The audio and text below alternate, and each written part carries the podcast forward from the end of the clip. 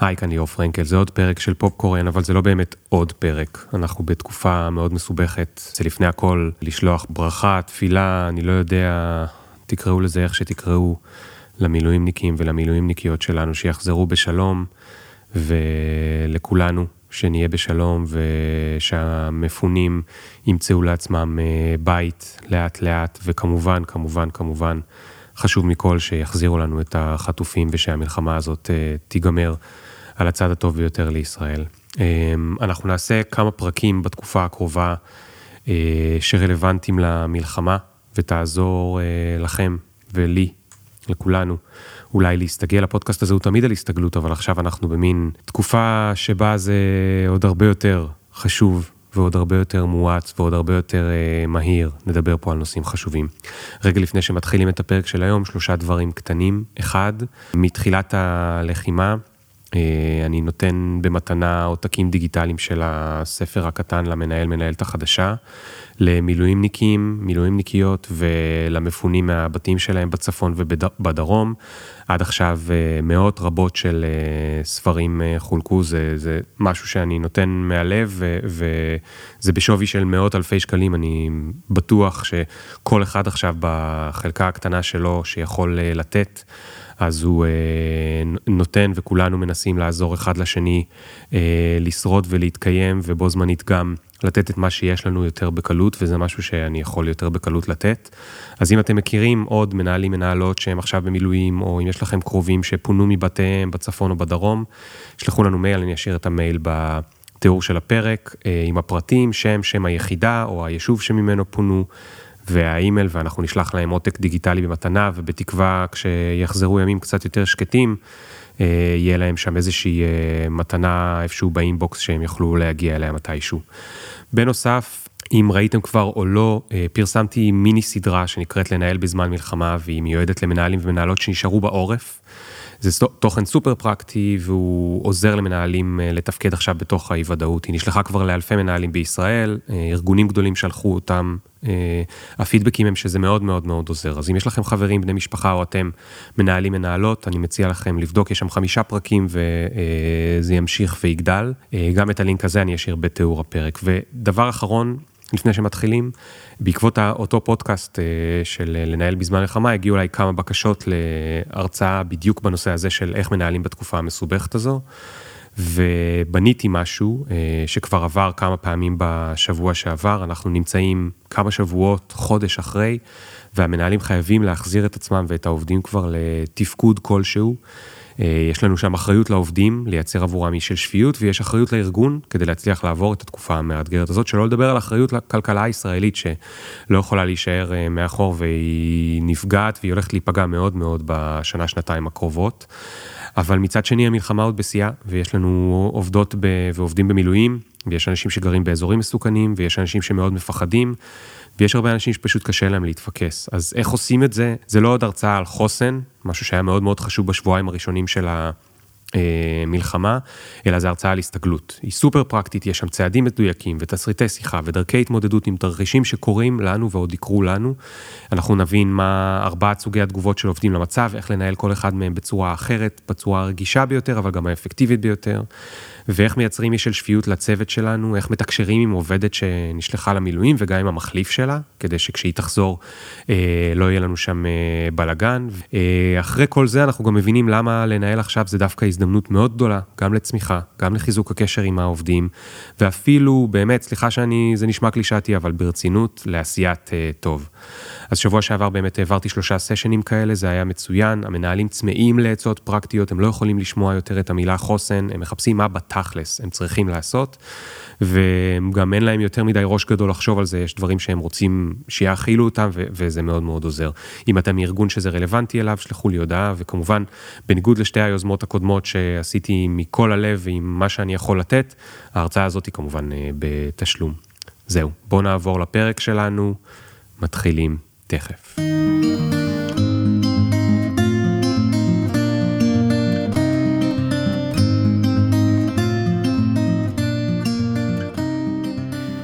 היי hey, נילי, אה, כיף לארח אותך פה שוב. נילי גולדפיין, אה, משנה למנכ"ל GG.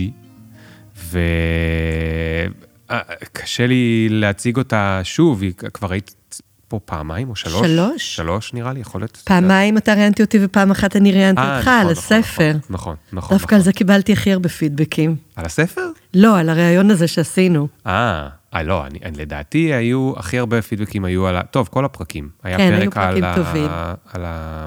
אה, אה, איך אומרים את זה בלי להגיד סמים? משני תודעה. משני תודעה.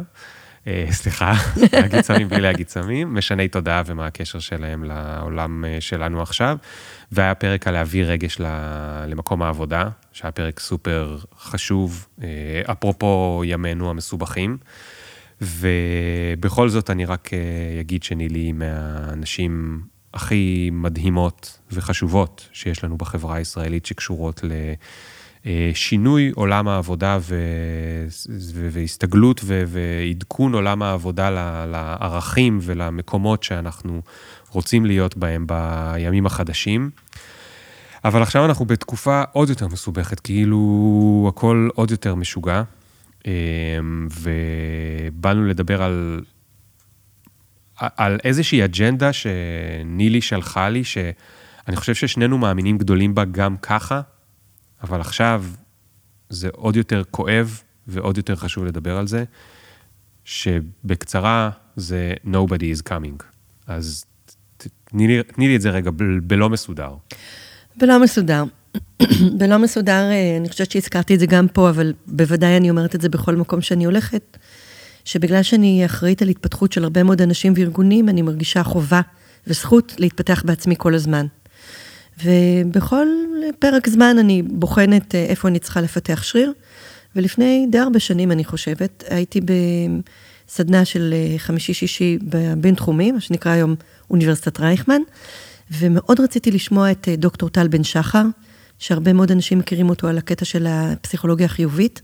כן. טל בן שחר הוא בחור ישראלי שמרצה בהרווארד, מספר הרבה על איך הוא התפתח שם, והייתי אצלו בסדנה, והוא סיפר אה, על המושג שנקרא Nobody is coming.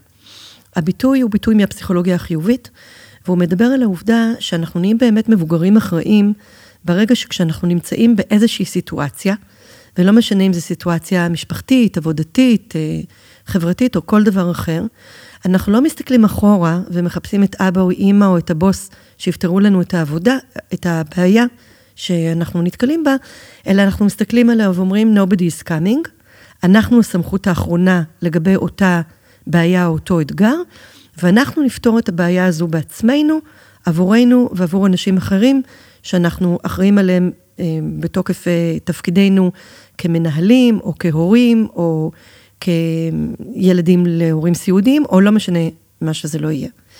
אה, והוא סיפר את הסיפור הבא, הוא סיפר שהיה אה, פרופסור שדיבר על הסיפור הזה של ה-Nobody is coming, והוא הגיע להרצות באיזה אה, כת סטודנטים נלהבת באיזושהי אוניברסיטה גדולה בארצות הברית, ואז אחד הסטודנטים שהריץ את אותו פרופסור, אמר לו, אבל אה, פרופסור, הנה, אתה באת. והוא ענה לו, I can't to tell you that nobody is coming. ואני זוכרת את זה, וזה המון המון שנים, אני זוכרת שיצאתי מאותה סדנה של יום וחצי, ואני לא זוכרת כלום חוץ מזה. אבל המשפט הזה נשאר לי חקוק, כן. והרבה מאוד פעמים כשאני נמצאת בסיטואציות מסובכות, ואני חושבת שמישהו יבוא לעשות לי, להציל אותי וכן הלאה, אני נזכרת במשפט של דוקטור טל בן שחר, nobody is coming, ואז אני מנסה לחשוב, לא מהמקום הקורבני או התלותי, או אה, אפילו סומך תמים, אלא מהמקום אולי הציני, אבל גם האחראי, שאני אחראית עליי, ואני מחליטה עליי. אבל אני מחליטה עליי לא בקטע של ילדה בת שלוש שקושרת צרכים, אלא אני מחליטה עליי במובן של אני אדם בוגר, רציני וחכם, שהגיע לאן שהוא הגיע בזכות ולא בחסד, וכל גל שהתנפץ לי בפנים, אני אעשה כמיטב יכולתי להתמודד איתו, ברוב הפעמים עד היום בהצלחה, כן, כן. עם הנזקים. אז, אז אה, אני רוצה רגע לדבר גם על, ה, על הצד השני, על האם יש לנו, האם זה שולל, או האם זה אומר שאין לנו זכות לבקש ולדרוש שיעזרו לנו ושיצילו אותנו ו, וכולי, אבל רגע לפני, אני רק רוצה לספר, דוקטור שי בן יוסף היה פה בפודקאסט, אה, פעמיים אגב, ובפעם השנייה דיברנו על חוסן, והוא חוקר חוסן הרבה מאוד שנים. אה, והוא סיפר שם סיפור מאוד מאוד יפה. הוא חקר את ההתנחלויות שפונו בהתנקות, בהתנתקות. ומה קרה, ל, קרה ל, לקהילות שם. והוא אה, ראה שהקהילה שהצליחה הכי מהר לחזור לנורמליזציה מבחינת מקומות עבודה, חינוך לילדים, אה, אה, קשרים אה, קהילתיים בריאים, חיים קצת יותר נורמליים על אף הזעזוע הקשה של ניתוק מהבית. זו הייתה הקהילה, שהוא מספר שם את הסיפור המלא, אבל מאוד מאוד בקצרה, זו הייתה הקהילה שלא הסכימה לחכות לפתרון של המדינה. זאת אומרת, הם אמרו, אנחנו לוקחים בידינו את גורלנו, ואנחנו עכשיו דואגים לעצמנו, אנחנו לא מסכימים לגור ב, ביישוב הזה שאמרתם לנו שעוד מעט תסדרו לנו ותיתנו לנו וכולי, אנחנו נגור פה באוהלים, ואנחנו נסתדר, ואנחנו נקים לעצמנו. והם הכי מהר התאוששו. אמ, אז, אז זה, זה הזכיר לי את, ה, את הסיפור הזה, וזה מאוד מאוד נכון, אבל רגע לפני שניכנס ל, למה שדיברת, אני רוצה רגע... וזה גם שאלת תם, אבל זה גם שאלת לא תם. אני אה, משלם מיסים אה, אה, 20 שנים למדינת ישראל. אני משלם ביטוח לאומי. אנחנו חיים במדינה מסודרת. אנחנו הולכים לבחירות. אה, אנחנו מגדלים פה את ילדינו בצורה חוקית והוגנת, לפחות אה, הרוב הגדול שלנו. האם אין לנו אה, זכות לבוא ולצעוק תצילו אותי, בין אם זה כלכלית עכשיו ובין אם זה לא כלכלית, בואו תצילו אותי, תעזרו לי, ת, ת, ת, אני במצוקה, אני, מדינה יקרה, ת, ת, תזיזי את התחת, תצילי אותי. אמ, כעיקרון, אם היינו חיים בעולם מושלם, אז אתה צודק. אני משלמת אה, יותר שנים ממך, פשוט כי אני הרבה יותר מבוגרת. המון המון שנים אני משלמת מס הכנסה, וביטוח לאומי, וקופת חולים, וארנונה, ו... ו... ו... ו... ו... ואמרתי לא מעט פעמים בשנים האחרונות שאני הייתי בכיף ובסבבה, משלמת 50% מהשכר שלי למיסוי, ובתנאי שיקחו את הכסף שלי ויעשו איתו דברים טובים. עכשיו, אם הייתי חיה במדינה מתוקנת, אז התשובה היא, נכון, אתה צודק, יש לי את כל הזכות ואת כל החובה, ולממשלה שלי יש את כל הזכות ואת כל החובה להחזיר את הכסף שאני משלמת בצורה של שירותים לאזרח. אבל בואו נסתכל קצת על מה קרה פה בכמה עשרות שנים האחרונות, אני כבר לא מדברת על השנה האחרונה. לקחו את הכסף מהאנשים היצרניים והעבירו את זה לאנשים הלא יצרניים. לקחו חובות וזכויות של מדינה מחלקים מסוימים של המדינה, וחלקים אחרים של המדינה היו להם זכויות וחובות ברמה אחרת או לא קיימת.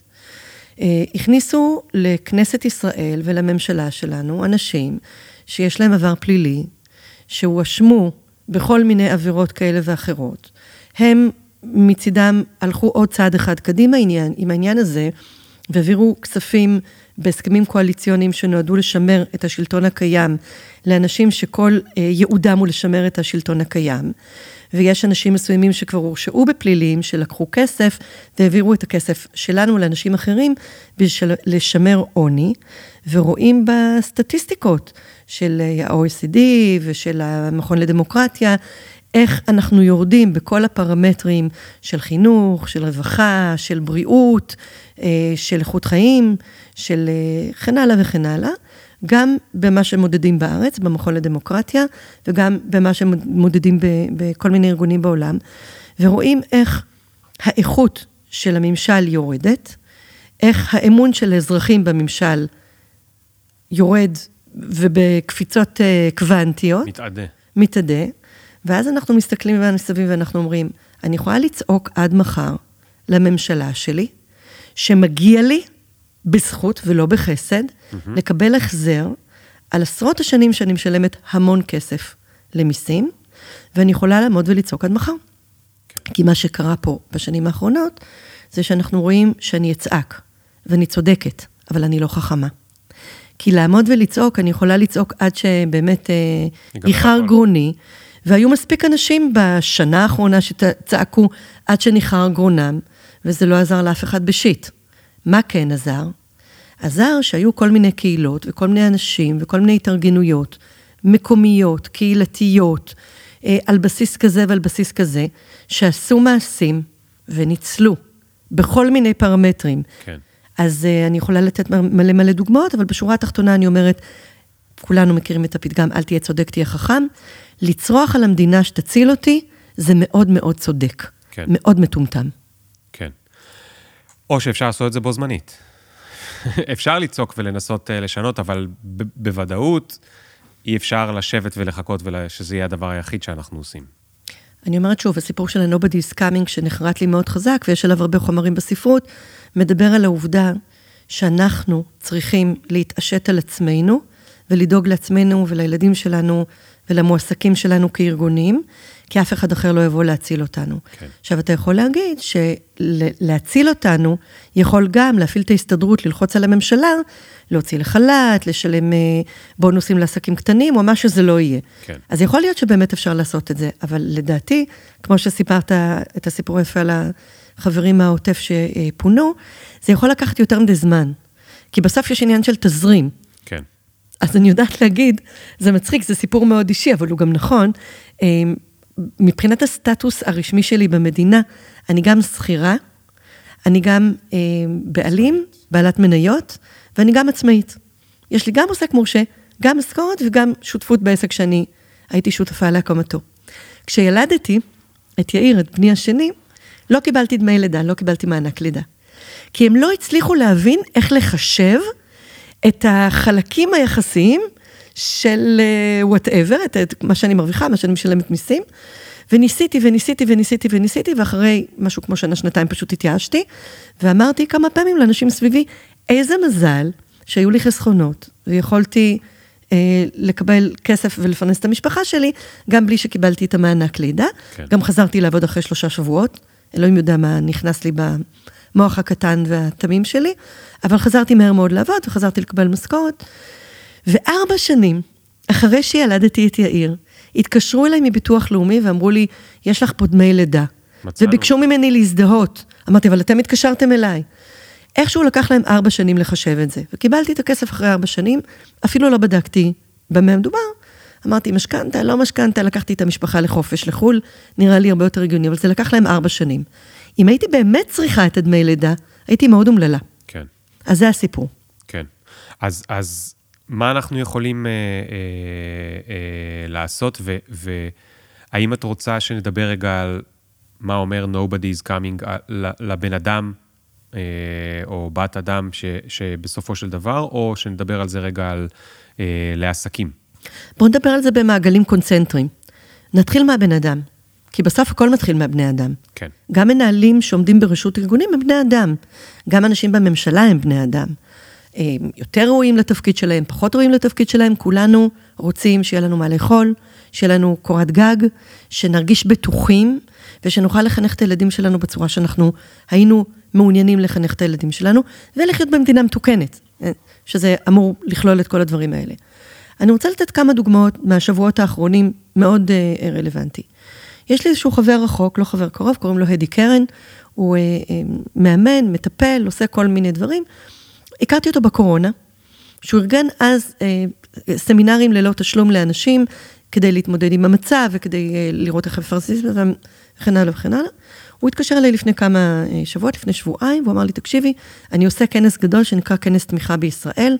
אני מארגן הרבה מאוד מרצים שירצו בכל מיני עניינים שקשורים לביטחון פסיכולוגי ולהורות ולעסקים וכן הלאה, ואני הייתי מאוד רוצה שאת תתני אה, הרצאה, זה היה בזום.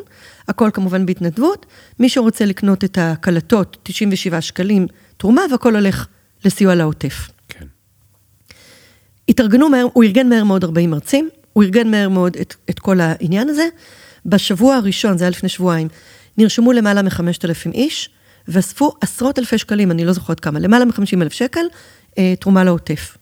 והרבה מאוד אנשים שעלו על הקו, על כל הרצאה היו איזה 400-500 איש, הם היו צריכים כל פעם להגדיל את הזום, ואנשים ביקשו ממנו להמשיך לעוד שבוע. כן. עכשיו, תחשוב, זה בן אדם פרטי, שהפרנסה שלו נפגעה לחלוטין בגלל המלחמה.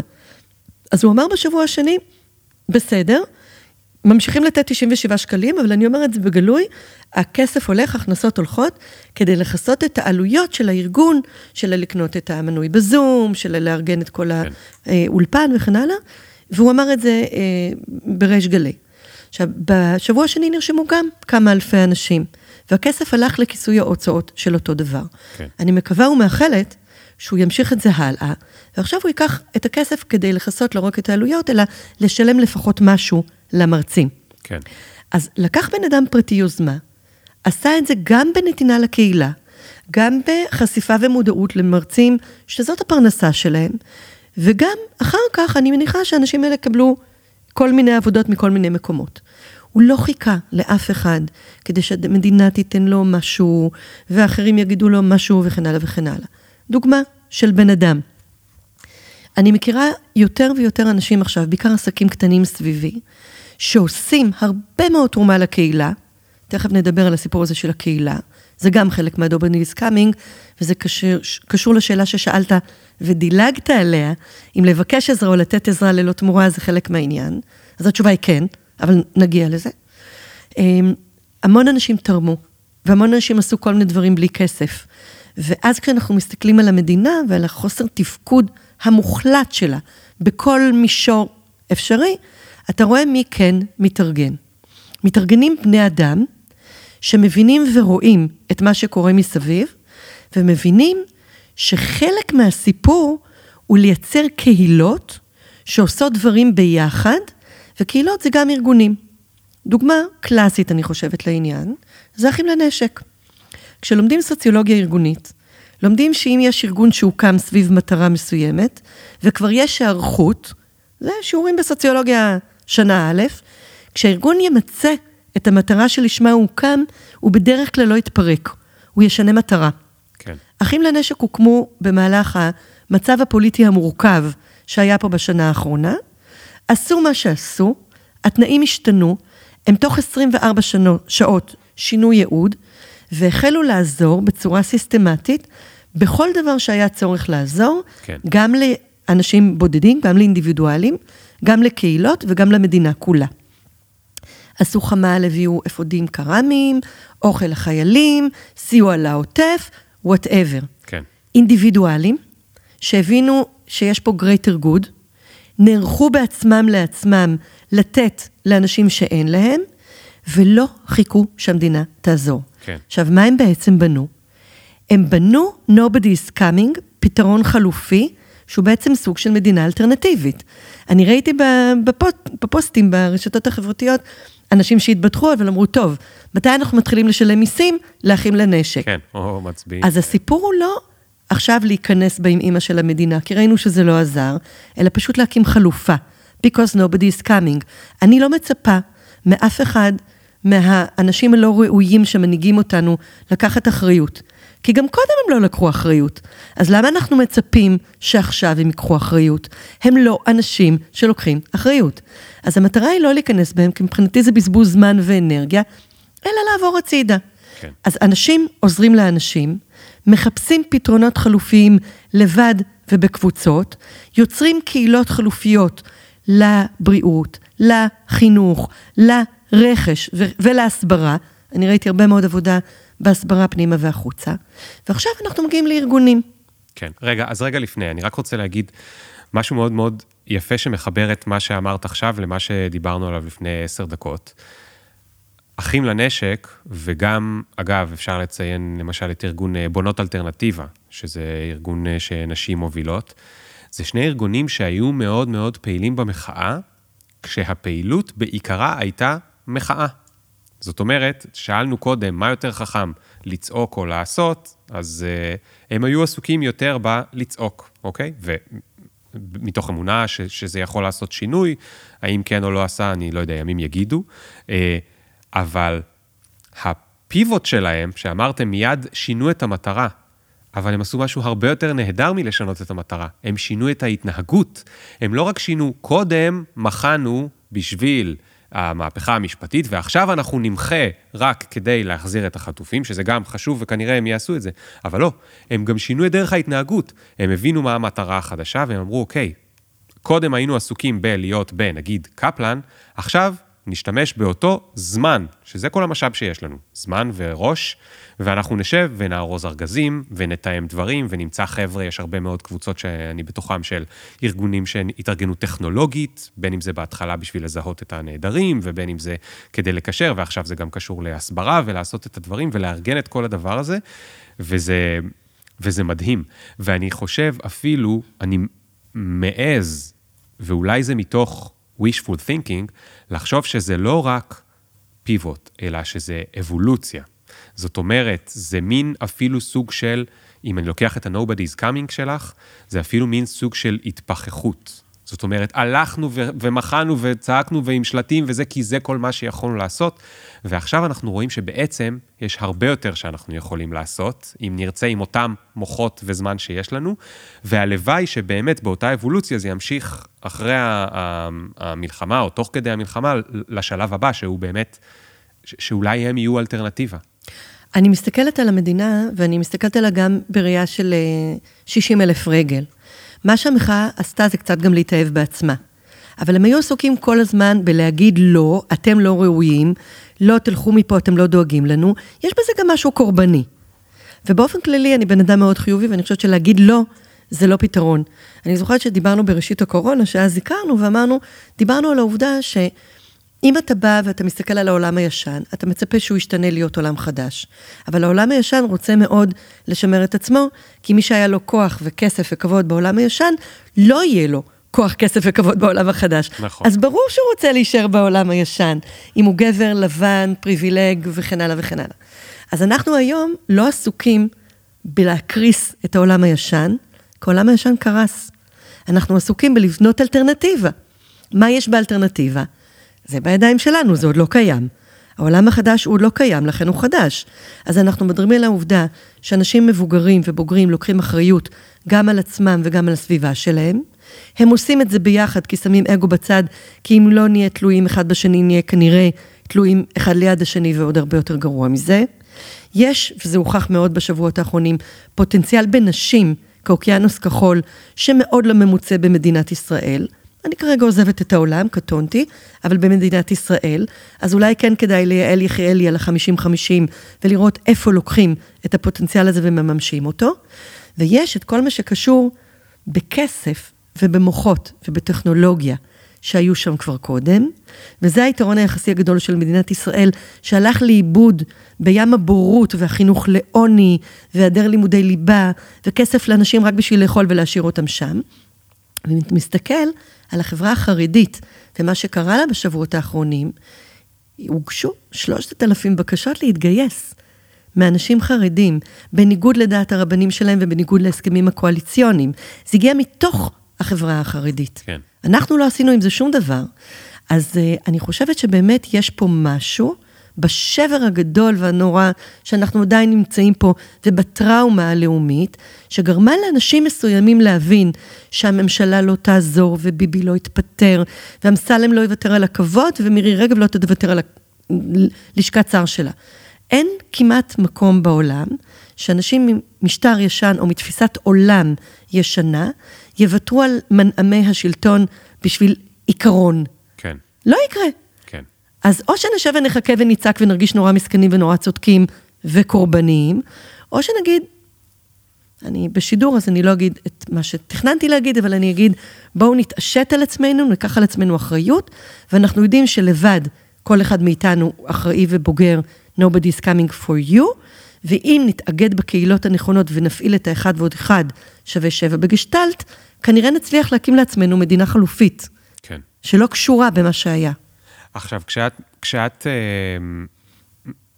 מסתכלת, או כל אחד שמסתכל על עצמו ואחת, אה, את חושבת שלאנשים שיש יותר כוח, או אני לא יודע, יותר מבוססים, או משהו כזה, יש להם אפילו יותר אחריות לעשות את הדבר הזה?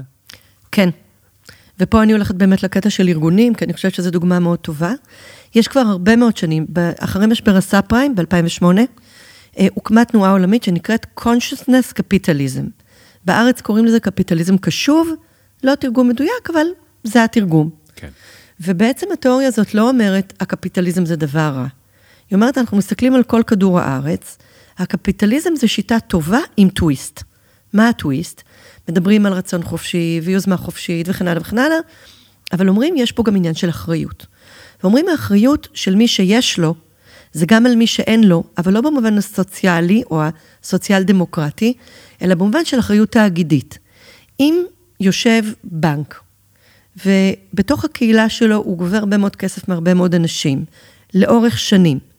ומגיע מצב שבתוך הקהילה שממנה הוא מתפרנס, קורה צונאמי, הר געש מתפרץ, יש מלחמה, או כל אילוץ אחר שקורה, והרבה מאוד אנשים שמשלמים לו לאורך זמן נותרים בחוסר קול או נותרים בבעיה, עליו להתגייס ולסייע ללקוחות שלו וללקוחות הפוטנציאליים שלו, כי זה מצב זמני. ובסופו של דבר, העולם שלנו הוא סוג של אקו-סיסטם, כמעט על המשל של הטבע. אנחנו כולנו תלויים אחד בשני. כן. יש אה, בשבטים של מרכז אמריקה ברכת שלום, שנקראת Ho Mitakuye Oyasin. זה מתורגם בעברית לכולנו אחד, ובאנגלית We are all related. כי בסופו של דבר, כמו שבג'ונגל כולם תלויים אחד בשני, זה אוכל את ההוא, זה אוכל את ההוא, הפטריות מפרקות את הזה, והעצים מפרקים את הריקבון, יש, יש ממש כאילו אקו-סיסטם אה, ביולוגי, כימי. גם בני אדם הם סוג של אקו-סיסטם ביולוגי כימי, אנחנו קשורים אחד לשני, אנחנו תלויים אחד בשני. אם עיירות הפיתוח לא ימצאו את הפוטנציאל שלהם לצבא, לחברה, אנחנו מטבע הדברים כחברה נהיה יותר חלשים. כן. אז הסיפור של הארגונים מדבר על המעבר בין בעלי עניין, שזה בעלי המניות, למחזיקי עניין, שזה ספקים ולקוחות ועובדים ומנהלים והקהילה עצמה. ויש הרבה מאוד ארגונים גדולים שהרבה לפני המלחמה כבר נכנסו לסיפור הזה.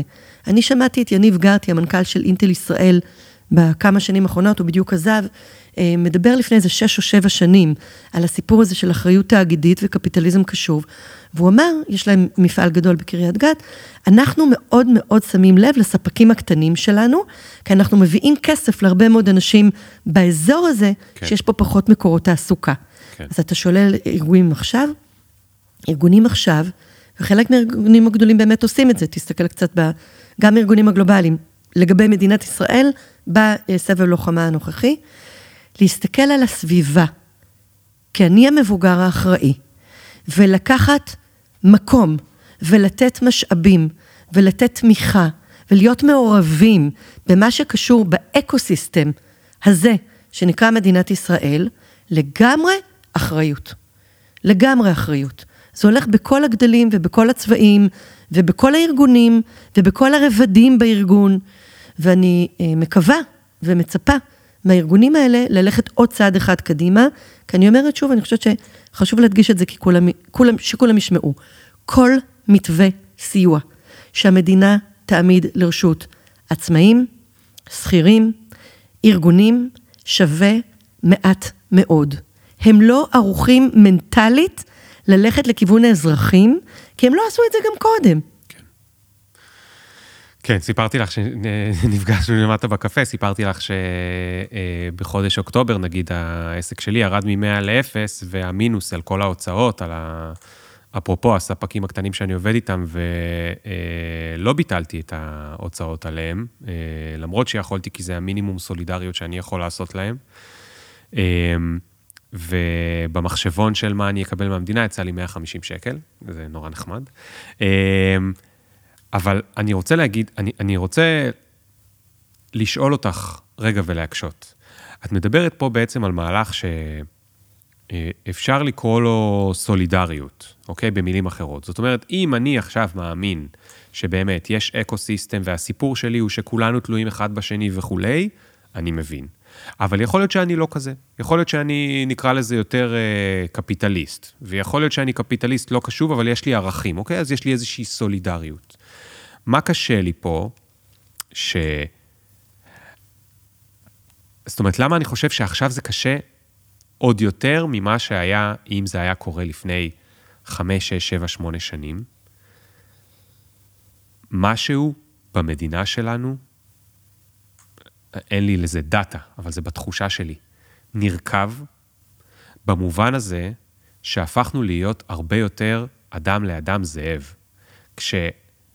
הבת שלי אוכלת עגבניות שרי וכל עגבנייה זה שקל, ובגלל שאני, את יודעת, כל המבוגרים, הם, הבאסה, כאילו, קשה להם יוקר המחיה, כי הם זוכרים, כי הם זוכרים שפעם קרטיב עלה 10 אגורות, הם זוכרים את היום שבו הם הלכו, כשהם היו ילדים, נתנו 10 אגורות וקיבלו קרטיב.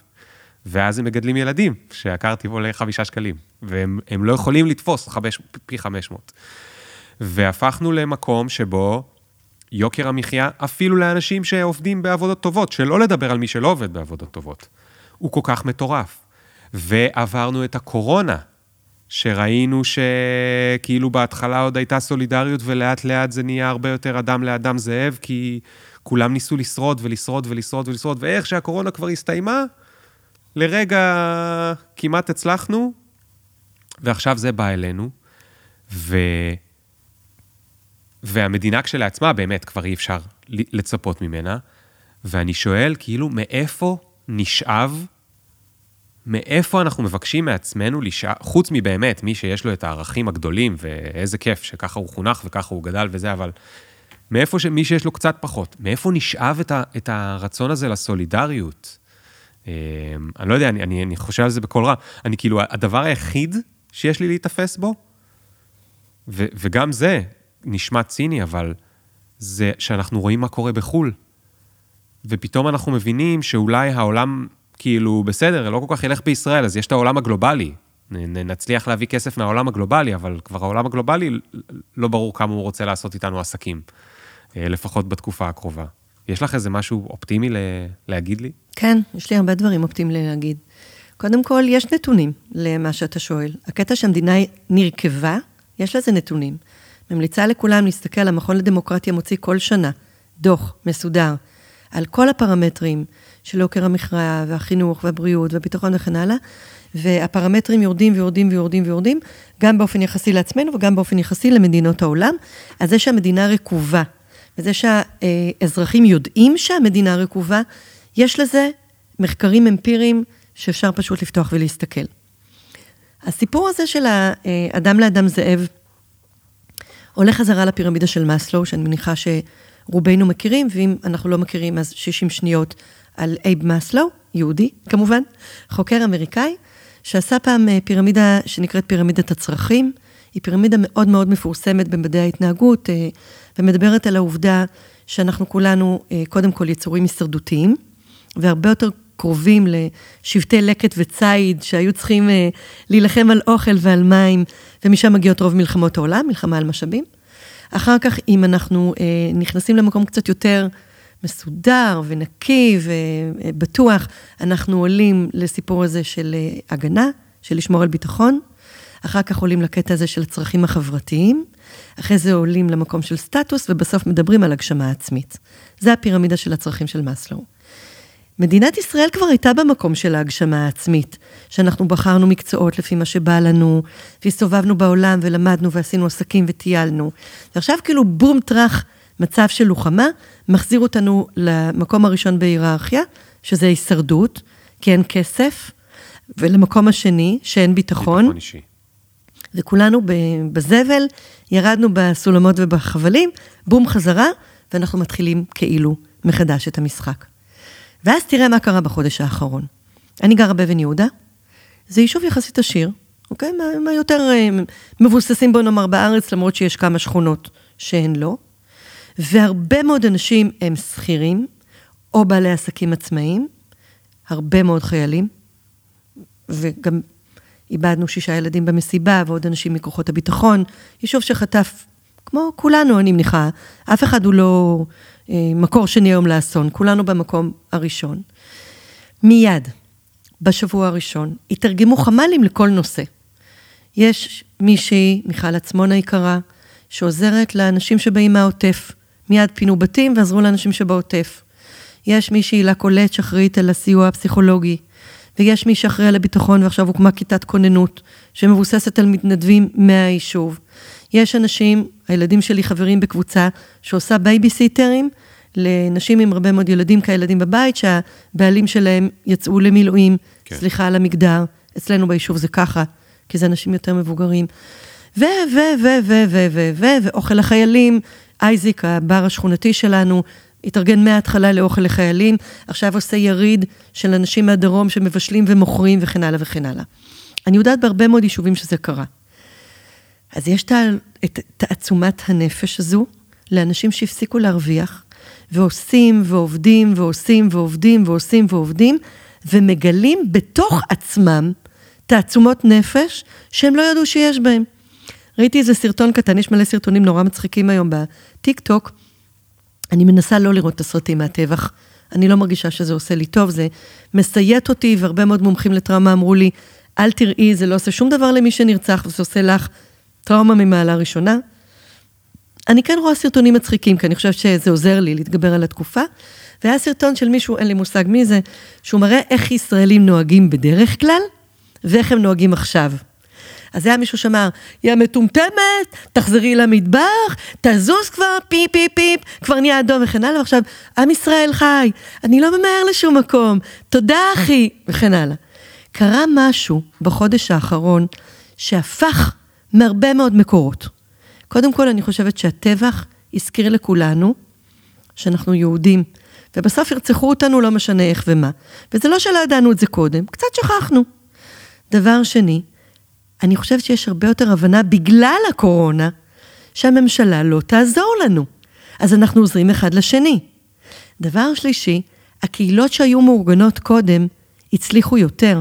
אפרופו מה שאמרת על המפונים, אני ראיתי וגם שמעתי את זה מכמה אנשים שעוזרים לדרום, שהקיבוצים, בגלל שהם גם ככה קהילה, שיש לה מוסדות קהילתיים, כמו למשל התאחדות התעשייה הקיבוצית, או קיבוצים שאימצו קיבוצים שנכחדו, הקיבוצים התארגנו הרבה לפני שדרות ואופקים.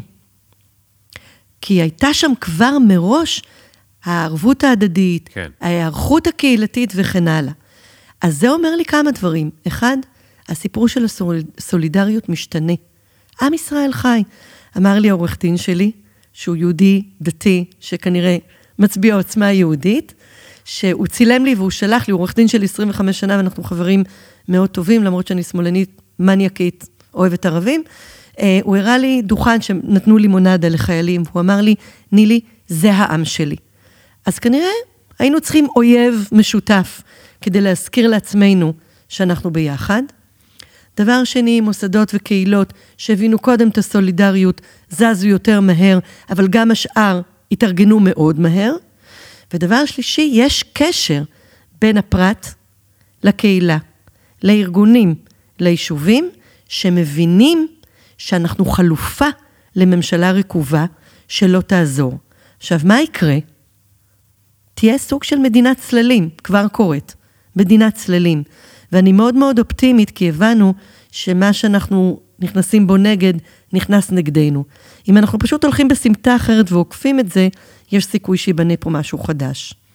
למשל עכשיו, אה, הילדים שלי הולכים לבית ספר דמוקרטי, אחת עזבה לבית ספר בינלאומי, אלוהים יודע מה היא תעשה עם כל מה שהיא למדה שם עכשיו, אבל אה, בית ספר דמוקרטי, מנהל בית הספר שלנו עזב.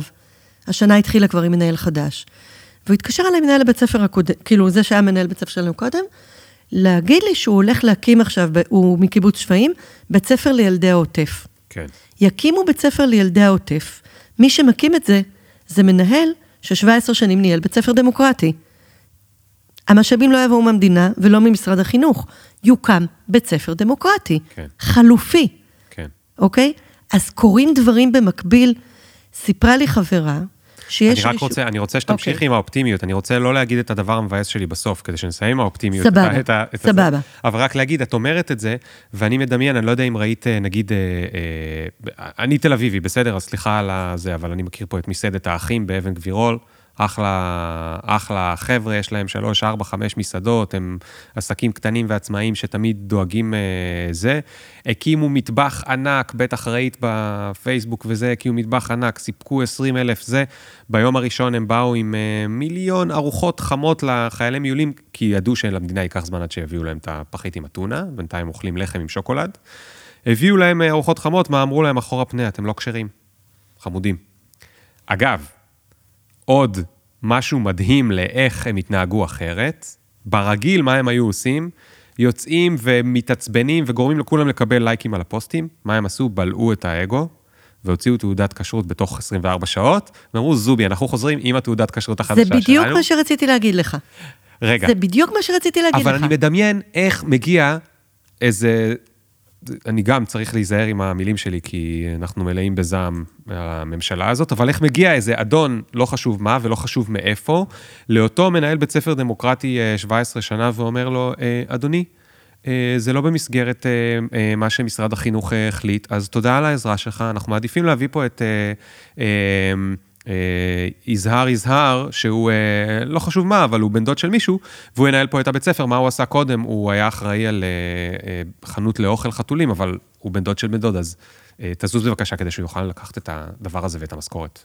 אבל הסיבה שאני אופטימית, זה בדיוק הסיפור של, של מסעדת האחים. אני כמובן עקבתי, אני גם מכירה את משני עליהם את החמ"ל. אני חושבת שזה סיפור מדהים, ואני חושבת שהוא סיפור אה, אה, שהוא מיקרו-קוסמוס של מקרו-קוסמוס. הם לא הלכו נגד, והם בלעו את האגו, והם המשיכו לספק אוכל לחיילים, וזה קרה בהרבה מאוד מקומות. אז אני אגיד שלושה דברים אופטימיים, כי אני ממש אופטימית, ממש. אה, יש לי חבר אה, ששמו יאיר גולן, הוא היה סגן הרמטכ"ל, אה, כולם שנאו אותו ואמרו שהוא שמאלני מניאק אוכל שרימפס, כי הוא היה חבר במרץ, והוא הציל ילדים מהמסיבה והפך לרמבו, לגיבור ישראל. אה, ראיתי איזה רב, אני לא יודעת אפילו מי זה, שמדבר על הנשמה היהודית אה, של אה, יאיר גולן. יאיר מקים עכשיו תנועה שנקראת תנועת התעוררות באלף, מלשון אור, שהיא תנועה אזרחית, שרוצה באמת לאסוף אנשים טובים ולשנות את מה שקורה פה. אנחנו שוחחנו על זה בקרב חברים, ואז אמרה לי חברה שיותר מכירה את התחום הפוליטי ומבינה, שיש רישום של 350 תנועות אזרחיות שבאו לעשות פה שינוי. 350 תנועות אזרחיות, שלא באו לריב בקפלן עם אף אחד ולא באו לצעוק על הממשלה, אלא אמרו, הבנו, הממשלה סיימה את תפקידה, היא איננה מבינה שהיא סיימה את תפקידה, אז אנחנו לא מנסים להיכנס עם אימא שלה כי זה לא עזר, אנחנו פשוט עושים דרך עוקפת ועושים דברים אחרים. 350 תנועות, משהו מהם ישרוד. זה דבר ראשון. דבר שני, הסיפור הזה של ממשלת ימין על מלא מלא והמינוי ההזוי של סוכות לאיזשהו, לא משנה, ממשיכים המינויים הלא ראויים וההזויים. כן, גלית דיסטל לעומת נועה תשבי לצורך העניין. אמ, אז מוקם חמ"ל הסברה. כל דבר שאנחנו רואים שלא מתפקד, מוקם גוף אחר. כן. שמוקם בצורה אחרת. אז מה עשתה הממשלה על ימין מלא מלא? הביאה אותנו לשבר הביטחוני הגדול ביותר בתולדות העם היהודי, נראה לי מאז חורבן בית שני, והבהיר לנו ש-nobody is coming. זה מה שקרה, זו קריאת השכמה. ותראה כמה יפים הדברים שנעשו כאן מאז. כן. אני מתאבלת, כמו כולנו, על המחיר שאנחנו עדיין משלמים. אני אימא לשני ילדים, הסיבה שאני משתכרת כל ערב זה שאני לא יכולה לחשוב על הילדים בעזה, כי אני לא מצליחה להבין איך, איך, איך האימהות שלהם ישנות. הסיבה שאני כועסת על העולם זה לא רק בגלל האנטישמיות, אלא בגלל הפמיניזם שלי. אני חברה בעשרות קבוצות של נשים, של נשות עסקים, של אימהות, של נשים עושות שינוי, של נשים והערה, ואני מסתכלת עכשיו על השקט, השקט המפחיד מכל העולם, מנשים, כשהן רואות מה קורה בעזה, מה קורה עם הילדים החטופים, עם איזה מטומטמת אחת שמראיינת את בנט ומתחילה לקרוא לו את אה, חוקי ז'נבה. אני, אני כאילו מאוכזבת נורא מהעולם, ואני נוטה לפעמים ככה לכמה דקות להרשות לעצמי להתקרבן ולהגיד, וואי, וואי, וואי, איזה נורא זה, איך הם לא מבינים, ו... ו... ו... ו... ו... ואז אני עוד פעם עושה לעצמי פליקלק לאחור, חוזרת ואומרת, הממשלה הנוראית הזאת קמה בשביל להראות לנו שאנחנו לא יכולים לסמוך על אף אחד, שאנחנו צריכים לדאוג לעצמנו, ואם לא הולך בדרך זאת, אז ילך בדרך אחרת, שארגונים פה צריכים להיות מבוגרים אחראים, ולראות שאם יש שבר, הם תופסים את תפקיד המבוגר האחראי, והקהילות שמבינות שהם המדינה, לא 120 ליצנים שיושבים בקרקס עגול. אז אני חושבת שהסטירת לחי הזאת באמת תביא לשינוי, לכן אני אופטימית, כי אני רואה פה דברים שלא ראיתי קודם בחיים ואני כבר מספיק זקנה. נילי, אני, אני רוצה שנסיים עכשיו, כי אני רוצה לסיים עם האופטימיות שלך. אני רוצה שהיא תדבק בי והיא תדבק באחרים, כי, כי אופטימיות היא קצת הכרחית בסיפור הזה של ה-Nobody is coming. אה, זה באמת הצד, ה, הצד ההפוך, ואת יודעת מה כן אני ארשה לעצמי, ו- ולך להגיד את המילה האחרונה אחריי, איך כן מישהו או מישהי שמקשיבים ומרגישים שאפילו שהם לא רוצים, הם נמצאים במקום הזה של ה... הם מחכים שיבואו להציל אותנו, הם מחכים, הם כועסים, והם לא מצליחים לעבור למקום הזה של, ה... של העשייה. אז אני אתן רעיון אחד, או שאולי את רוצה להתחיל, אה, איך כן לה, לה, לעבור את זה. אה, אם יש לך רעיון, ואם לא, לי יש משהו על הקצה של הלשון, להתחיל. אז, אז אה, אני לוקח את זה למקומות שאני מכיר הכי טוב, כמו של, ה, של, ה, של הלין סטארט-אפ. הפידבק לופ הזה, שאנחנו עובדים איתו, של ה... להתחיל לעשות משהו קטן וכמה זה מדבק. להתחיל... החמ"לים הגדולים כבר הוקמו. תנועות גדולות כבר הוקמו. לא כל אחד צריך להקים תנועה, וגם לא צריך לעשות יותר מדי. המקומות האלה הם מדבקים. להתנדב, לא להפוך עכשיו את חייכם להתנדבות, אבל להתנדב שעה אחת לעזור במקום כזה, או, או משהו אחד קטן כזה, זה עשייה קטנה שגורמת לגלגל תנופה הזה אה, להתחיל לקרות. אני זוכר ביום ה... לדעתי זה היה ביום השני או השלישי של הלחימה, אני ביומיים הראשונים רק קראתי, קראתי, קראתי את הסושיאל ואת הזה, וכל טווח הרגשות אה, עבר עליי, ובטעות נתקלתי באיזושהי קבוצת מתנדבים עצומה בפייסבוק, ואמרתי לעצמי, אני חייב לעשות משהו קטן, משהו קטן. אה, והגעתי שם לפוסט זניח באותה קבוצת פייסבוק, שמישהי כתבה, אה, מגיעים היום בערב חבר'ה אה, אה, מניר עוז, מניר עם, למלון, לא חשוב איפה בארץ. וחסרים להם, 1, 2, 3, 4. את זוכרת, ככה היו היומיים שלושה הראשונים של אה, ראשון, שני, שלישי אחרי תחילת המלחמה. ככה זה היה, חסרים. ככה הגענו למצב שחיילי ישראל, יש להם יותר דאודורנטים מל... מלרשת סופר פארם, הם כבר לא צריכים, כבר יכולים למכור בעצמם. ו... ו... ו... ו... ואמרתי לה, אני רוצה לעזור. ואמרתי, אוקיי, אני אכנס לפייבוקס או לביט. אבל אמרתי, אבל מה הם יעשו עכשיו עם הפייבוקס או הביט? ניסיתי רגע לדמיין אותם. הם מגיעים לשם היום בערב, עם הפקלאות שלהם, עם הטראומה שהם עכשיו אספו, עם הסיוטים שהם לא ישנו, עם ילדים שלא מבינים מה עובר עליהם, עם כל הדבר הזה. אז בסדר, אז יהיה להם עוד כמה שקלים, מה הם יעשו עם זה? ניסיתי לחשוב וניסיתי להבין, ובסוף, אני לא יודע אם זה היה רעיון טוב, אבל חיפשתי בגוגל את הטלפון של המלון, והגעתי לפקיד קבלה. והפקיד קבלה ענה לי, והוא היה לגמרי מבולבל בעצמו, זה איזה אמריקאי שעלה לישראל, ילד שעלה לישראל, ולקחו אותו למלון, כי זה מלון של תיירים בתל אביב. ואמרתי לו, תקשיב, תכף מגיעים לך 250 איש, או אני לא יודע כמה בדיוק, כמה מאות, באוטובוסים. אה, אתה יודע מה, כאילו, עד מתי אפשר להביא לכם משלוחים, לעשות משהו? אז הוא אמר, אה, תשמע, אני לא יודע, הבוס שלי פה כל היום בשיחות, והוא לא עונה לי בכלל, והוא לא, ואני לא יודע בכלל מה זה. אני אומר, אז תכף, אתה תדע, תכף יגיעו אליך. כי אני לא הצלחתי למצוא את המקור מהקיבוץ, עם מי לדבר. אז רק אמרתי לו, תשמע, יש לנו, אנחנו פה כמה חבר'ה מתארגנים, יש לנו כמה רעיונות. תגיד לנו אם זה רעיון טוב. משחקים לילדים, אה, תחתונים, אה, גלידות, פיצות, מה, מה זה? אז הוא היה כל כך חמוד, באמת, ילדון, בן 19 או לא יודע וזה. הוא אמר, תשמע, אני לוקח את הטלפון שלך, אני מבטיח שאיך שהם נכנסים פה בדלת, כמה דקות אחרי, אני מתקשר אליך. ולא חשוב, הוא באמת התקשר אליי, לקח לו שעה, אבל הוא זה, והוא אמר לי, משחקי ילדים, יש פה מלא. הגיעו אליהם אין סוף אה, אה, אוכל חם, אל תשלחו להם פיצות ועל זה ועל זה. ובסוף הוא חיבר אותי עם אחת מהם, והיא אמרה מה היה חסר להם, ומה שהיא עשתה, היא שלחה לנו רשימת קניות, של אה, סופר פארם, חיתולים לילדים וזה וזה וזה, ובן דוד שלי שהיה איתנו בקבוצה הקטנה, פשוט נכנס בסוף, בגלל שלא מצאנו שליח, הוא נכנס לוולט, והוא הזמין להם את כל הרשימה המדויקת של הסופר וזה, וזה היה לה כמה אלפים והתחלקנו כמה חבר'ה. הרגע הזה שעושה לי צמרמורת של ה... בסוף מה זה היה?